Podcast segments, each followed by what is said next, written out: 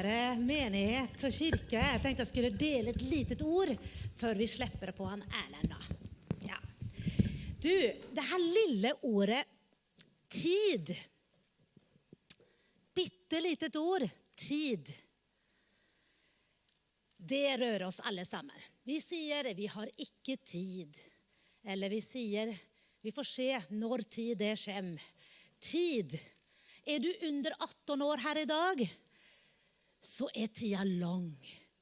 Åh, må jeg snart bli 18 år? La det gå fort til jeg blir 18 år. Og begynner du å nærme deg 60, liksom, så vil du at tida skal være lang. Ikke gå så fort nå. Jeg blir snart 60, 70, 80, 90. Tid er noe som rører oss, sant? Tid har vi like mye av alle sammen. Og vi forvalter tida vår alle sammen. Men hvem er det som har gitt oss tid? Hvem skapte natt og dag? Hvem ga oss årstidene? Nå kommer sommeren. Herlig. Gud gav oss tid. Han er i tiden. Han beveger seg i historien. Han er den som lot oss fødes. Han er den som en gang skal la oss dø. Det er noe vi ikke er herre over. Gud har kontroll på tid i ditt og mitt liv. Og det er evig. Det er evig. Er ikke det fantastisk? Vi har all tid i verden. Vi har jo tid. La oss tenke positivt om tid og ta oss forvalte vår tid. Jesus er i går og i dag og til evig tid den samme. Han forandrer seg ikke. Men våre tider og stunder skifter. Vi må tåle tider av omskiftninger i våre liv. Og så sier forkynneren at det er en tid for alt. Det er en tid under himmelen. Det er en aktivitet under himmelen. En aktivitet over ditt liv, over vårt liv. En tid. Og alt er gjort vakkert for sin tid. Alt er gjort vakkert for sin tid. Så det å følge Gud i tida Vi snakker om at vi var modige nå. Og kanskje, eller vi sier ja til å komme hit. Tider og stunder skifter for Frank og Ingrid, for deg, for oss, for kirka, for verden. Vi har levd en urolig tid i verden. Gud har kontroll. Tid er et spennende ord, og Gud er i det. Så jeg vil oppmuntre deg, og det var det Trond Inge sa, når Jesus kommer inn, så forandres alt. La oss si det sånn, da. Det var det du begynte med. Du var jo så fin i dag når du leste den sangen der. Når Jesus kommer inn i din tid, så forandres alt. Det fantes en tid, det vitnesbyrdet vi hørte her. Det ble tid for henne å gå på bibelskole. Det er en tid for deg å ta opp noe av det som er tapt, noe av det som framtiden bringer. Det er en tid for deg å trø ut. Det er en tid for deg å være modig. Det er en tid for deg å gjøre noe som Gud legger på deg. Jeg vil oppmuntre deg med et lite ord til slutt. Jesaja 33 og vers 6. Det kjente jeg på. Og der står det Det skal komme trygge tider for deg. En fylde av frelse, av visdom og kunnskap. Det skal komme trygge tider for oss. Det skal komme trygge tider, fylde av frelse, visdom og kunnskap. Skal vi ta med oss det? For ditt liv trygge tider. Gud har trygge tider. Erlend, er du klar til å preke? Da skal du få lov til å gjøre det. Fantastisk å møte dere. og Vi kjenner noen her, men vi kjenner slettes ikke alle. Godt å møte dere og se dere. og Vi hører mye godt om Betel. Det har vi gjort i mange år. Jeg har aldri vært i dette huset. Jeg har aldri møtt menigheten. Veit du hva, Erlend? Vi sa ja til å komme uten å se huset. Det å kjøpe hus usett, det er ikke lurt. Så eh, vi skulle jo vært der. Jeg har aldri vært på en gudstjeneste her. Aldri vært nesten i lokalet her. Og jeg sa ja. Annika, da kan jeg fortelle noe. At når jeg var 19 år, så sto jeg omtrent her. Sto jeg. På slutten av et ungdomsmøte. Og ble åndsdøpt. Så bra. Og jeg husker han som ba for meg, han sa 'Du har det', sa han. Du har det. Så, så, men du, vi er veldig glad for at vi fikk lov å komme på audition her. Nå finnes det en buss-knapp under hvert sete, så liksom etter hvert som vi preker her nå, så kan de egentlig stemme oss inn eller ut. Nei da. Vi, vi, vi har tulla litt med det, og Trond Inge sier nei, det er ikke det. Jo, det er det, sier jeg. vet du. Det, det er et såkalt fesjå, eller eh, en prøvepreken. Og så Nei da. Vi er veldig glad for å komme hit. Eh, Jeg har da vært her før. eh, og og så kjenner vi mange folk. Jeg har vært på bibelskolen og delt noen, eh, noen ganger òg, så, så vi har absolutt vært i huset, i hvert fall jeg, da. Eh, Jeg vet ikke om vi skal være helt ærlige, og det skal vi jo være i kirka. Er det noen som allerede har klødd seg litt i håret og lurt på hva er en equalizer? Hvis vi skal være helt ærlige. Nå, altså opp, frimodig opp med ei hånd nå. Hva, hvor mange som lurer på hva er en equalizer? Skal Jesus begynne med det og nå? Sant? eh, eh, og så må vi snu den litt, da. Ok, For se hvor mange er liksom Ja, nei, det vet jeg. Kom igjen. Se her, ja. Vi har liksom Å nei, en equalizer, ja. Det er noe. Du, altså hvert fall De som er litt på hifi, altså på lyd og på sånne ting, de vet gjerne hva en equalizer er. For en equalizer den, det er noen spaker du kan stille opp og ned, egentlig. Og så er det sånn at du kan eh, lage det et, Du kan jamstille lydbildet. Bass, mellomtone og diskant kan du liksom få til å passe perfekt. Og så vet du at eh, ungdommer, når de kjøper seg en eh, ny bil og får inn en litt feit høyttaler, så går de inn på equalizeren og så tar de bassen helt opp. Og da når du kjører forbi, så hører du bare boom, boom, boom, boom. Og så tenker du kjære til stakkars folk. Det er flere enn meg som har tenkt det. Er det noen som har sittet på og tenkt 'stakkars folk'? Ja, det er. Men, eh, men ordet 'equalizer' det betyr faktisk en jevnstiller.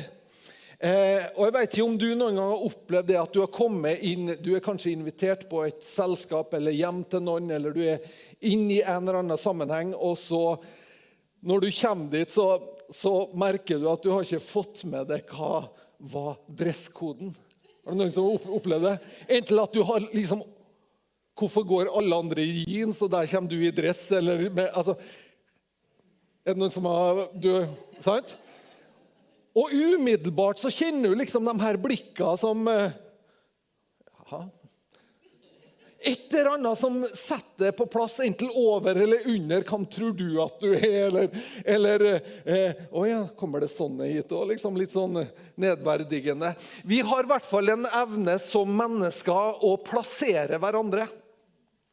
Og vi plasserer fort hverandre ut ifra hierarkier eller ulike settinger. som plasserer vi oss sjøl.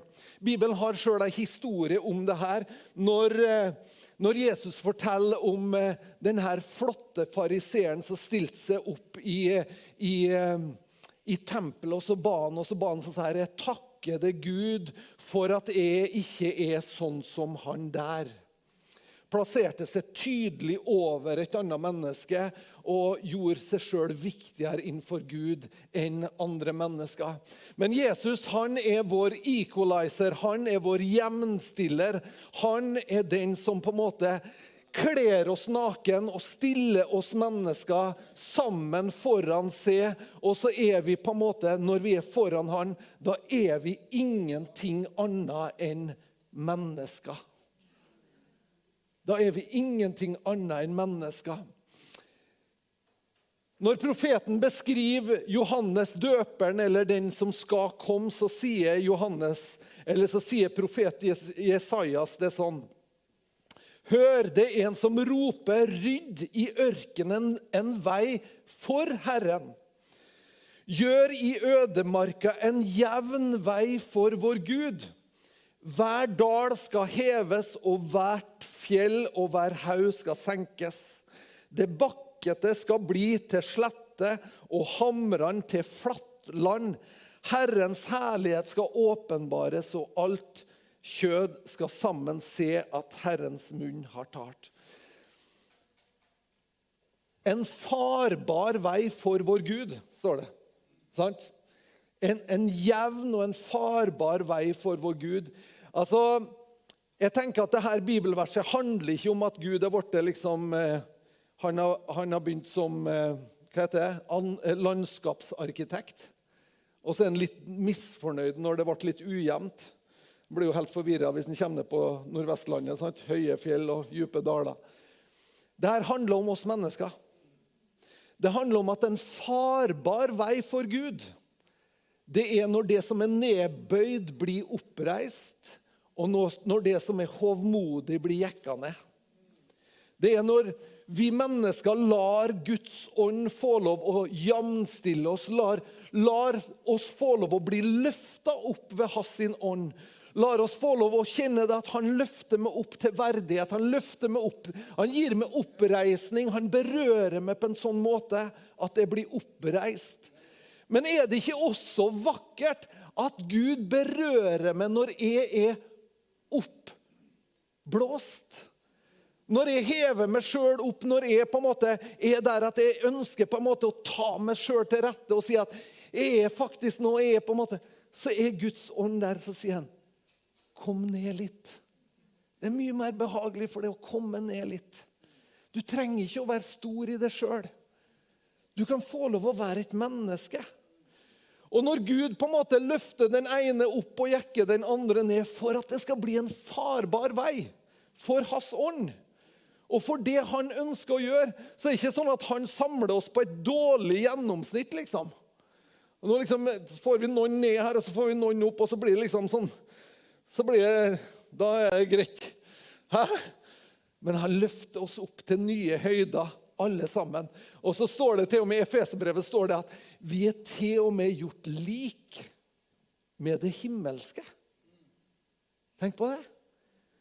Så i hans at han drar oss ned, og at han løfter oss opp, så gjøres vi samtidig lik med det himmelske. Er ikke det fint?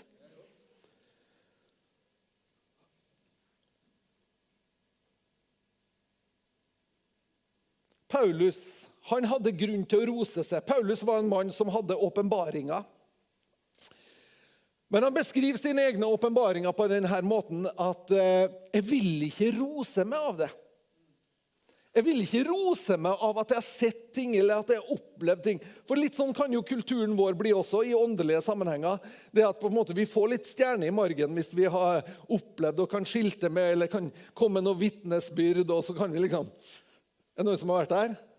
Jeg har kjent på det liksom at wow, ja, nå, nå er det sånn åndelig, åndelig stjerne. da. Ingen av dere, nei. Det var fint. Det var bare jeg som har hatt sånne tanker. Nei, sånn er det. Men Paulus han sier til og med at eh, han har bedt til Gud tre ganger om at Gud skal ta bort noe i livet som er, oppleves som eh, slitsomt. Noe som oppleves som vanskelig. Han beskriver det sjøl som en torn i kjødet. Han har spurt Gud tre ganger kan du ikke ta bort det her.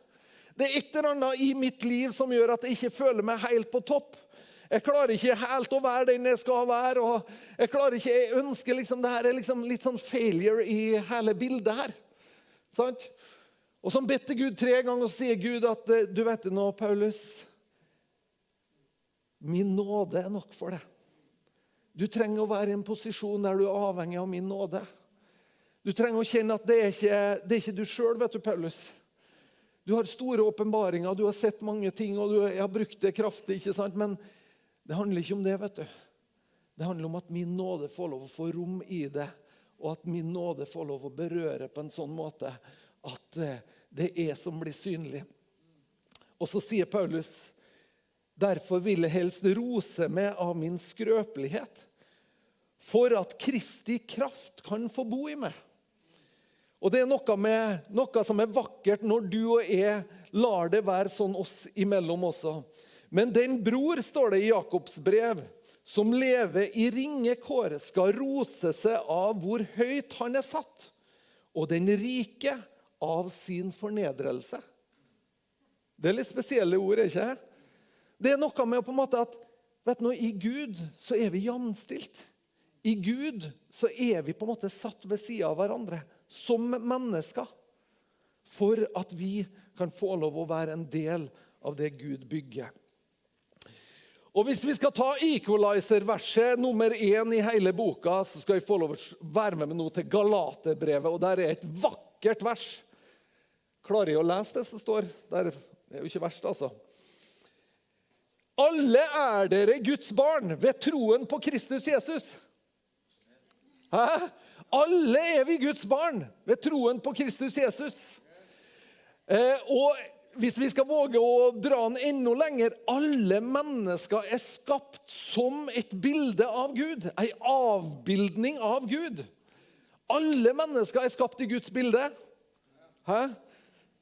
Å nei, jeg lurer nå på han naboen min, ja. Jeg er ikke sikker på han, nei, for han er litt av en fyr. Du kjenner ikke han, du. Alle mennesker, Tenk på det at det fins ikke ett menneske i Trondheim by som du ser i Trondheim by, som ikke er skapt som en avbildning av Gud. Som ikke dypest sett bærer et kall om å gjenspeile sin skaper. Om å på en måte stråle hans herlighet. Det er Guds tanke for alle mennesker.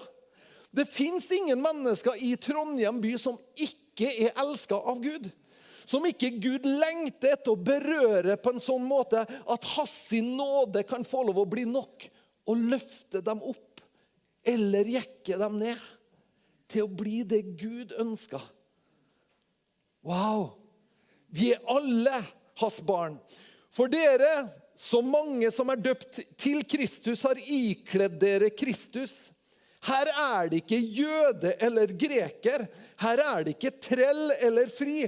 Her er det ikke kvinne eller mann. Mann eller kvinne.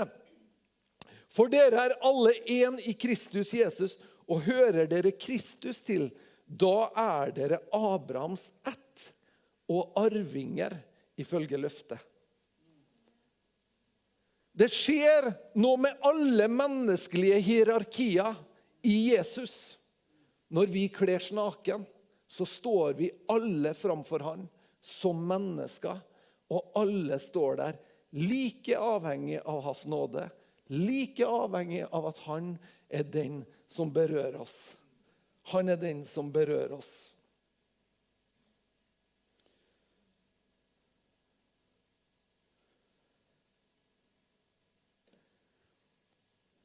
Betel Trondheim er en pinsemenighet.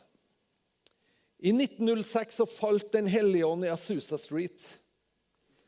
På ei lita forsamling der, en eh, afroamerikaner som heter William Seymour, sto og forkynte. Han var en del av en hellighetsbevegelse som forkynte om Den hellige ånd og om tungetale og ting som på en måte var ukjent for mange.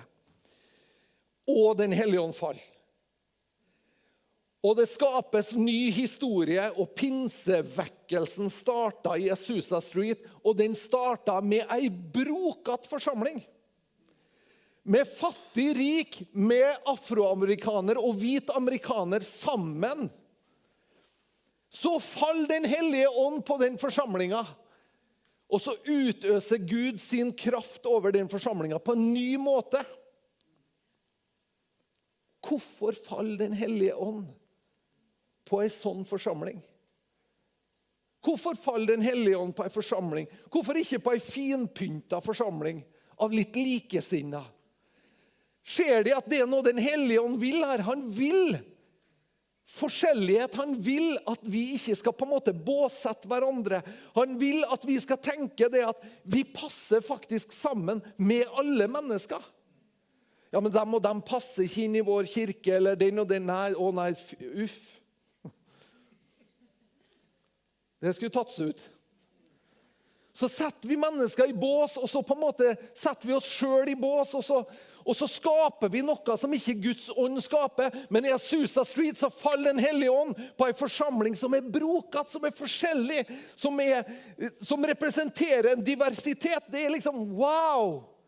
Det faller Den hellige ånd på.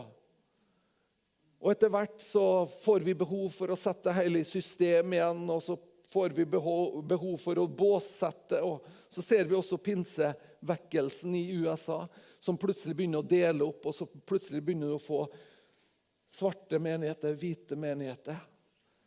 Men det er noe herlig. Vet du hva jeg sier når jeg sier om Betel? Når jeg er litt sånn, jeg blir kalt som pastor til Betel. vet du. Det er, liksom 30, over 30 nasjoner. Det stemmer, eller? Jeg sier det. vet du. Bare... Du er der, da, og så er du liksom her. Og det er noe, for det er godt. Det er godt å tenke at det er sånn det skal være. Det skal være sånn at det er mange nasjoner, at det er rom, at det er plass. Og Den hellige ånd falt på det. Og som om det bare var noe som var på pins, eller Jesusa Susa Street. Hvordan var det på pinsefestens dag? Hvordan var det på pinsefestens dag?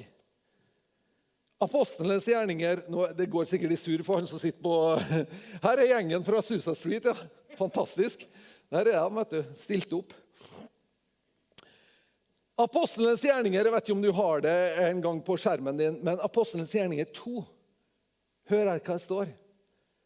Jeg, vil, har et kapittel her fra vers 5 til 11, men jeg skal ikke ta med alt. Vi partere og medere, elamitter, vi som bor i Mesopotamia, Judea og Kappedokia, Pontus og Asia, Frygia, Pamfylia, Egypt og områdene i Libya mot Kyrene, og vi tilreisende fra Roma, både jøder og tilhengere av jødenes tro, kretere og arabere. Vi hørte dem tale Guds store gjerninger på vårt eget språk.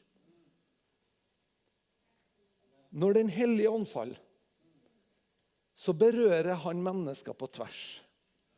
Så berører han mennesker på tvers av hva vi er, av vår status, på tvers av vår samfunnsposisjon. Og det er noe ved Den hellige ånd. For Den hellige ånd han tolker ikke ting ut ifra våre forutfatta meninger. Den hellige ånd tolker ikke ting ut ifra kjønn eller ut ifra etnisitet. Han plasserer ikke mennesker ut ifra rikdom eller hvor det er, liksom. Vi gjør det, men Den hellige ånd gjør ikke det. Det er noe med Den hellige ånd. Når han kommer, så hører vi alle Guds store gjerninger på vårt eget språk. Vi gjenkjenner at Oi, her er det rom for meg. Her er noen som taler et språk som treffer meg. Der er jeg i livet mitt. Så treffer jeg.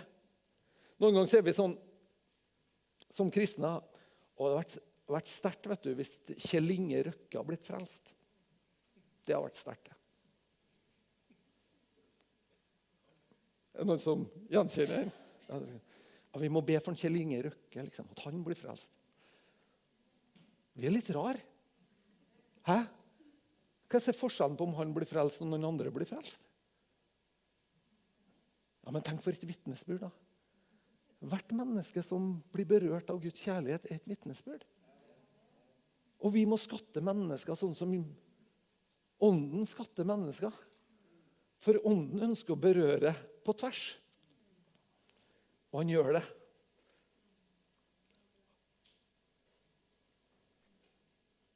Og når ting tolkes ved Ånden, så skaper det alltid forståelse. Det er når vi begynner å tolke ting på menneskelig vis, at vi skaper distanse. Når vi tolker ting etter Ånden, lar hjertet være åpen. La kjærligheten være det som blir filteret. Da skapes det forståelse. Vi lar ikke skepsis, fordommer eller frykt være vår tolk. Men vi må la Ånden være vår tolk.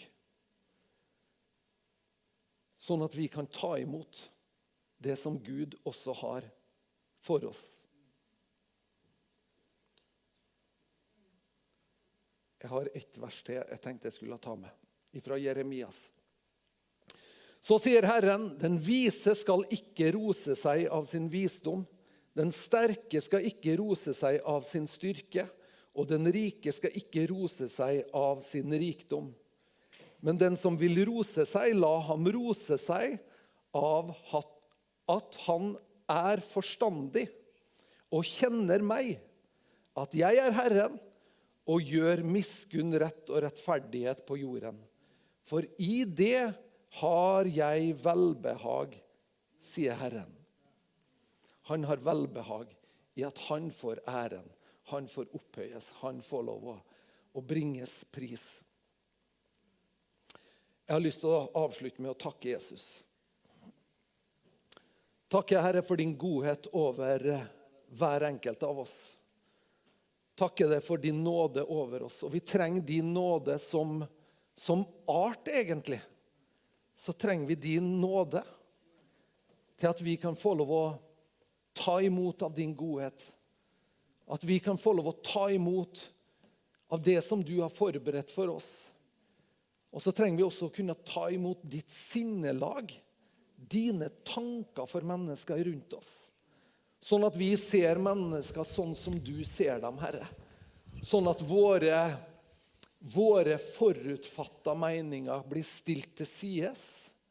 Og så blir det din ånd og din kjærlighet, Herre, som hjelper oss, Herre. Takk at du tar ned det som er stolt i oss, det som ikke er sunt for oss, det som opphøyer oss. Det som stiller oss over andre mennesker, det tar du ned, Herre. Og Så takker jeg også at du er den som reiser det som er nedbøyd, det som er kua. Det som, eh, som ikke bærer frimodighet med seg i dag. Takk at du tar det, og så reiser du det opp, Herre. Takker for at du berører oss, Hellige Ånd. Og jeg ber om det nå. Kom, Hellige Ånd. Du kjenner hver enkelt. Du kjenner hver enkelt av oss. Du veit hvor vi er. Du kjenner den som er nedbøyd. Du kjenner den som kanskje har litt for mye av seg sjøl. Du kjenner oss alle sammen. Og så kommer ikke du og fordømmer oss, men du kommer bare og viser oss din nåde. Og så får vi lov å bli et forena folk på tvers av de her skillelinjene som vi gjerne setter opp imellom hverandre. Takke deg, Hellige Ånd, for du skaper noe nytt, Herre. For at du bare bringer ved din ånd, så bare bringer du enhet i Jesu Kristi navn. Takke deg for det, Herre. Takke deg for din nåde i Jesu navn. Amen. Amen. Amen.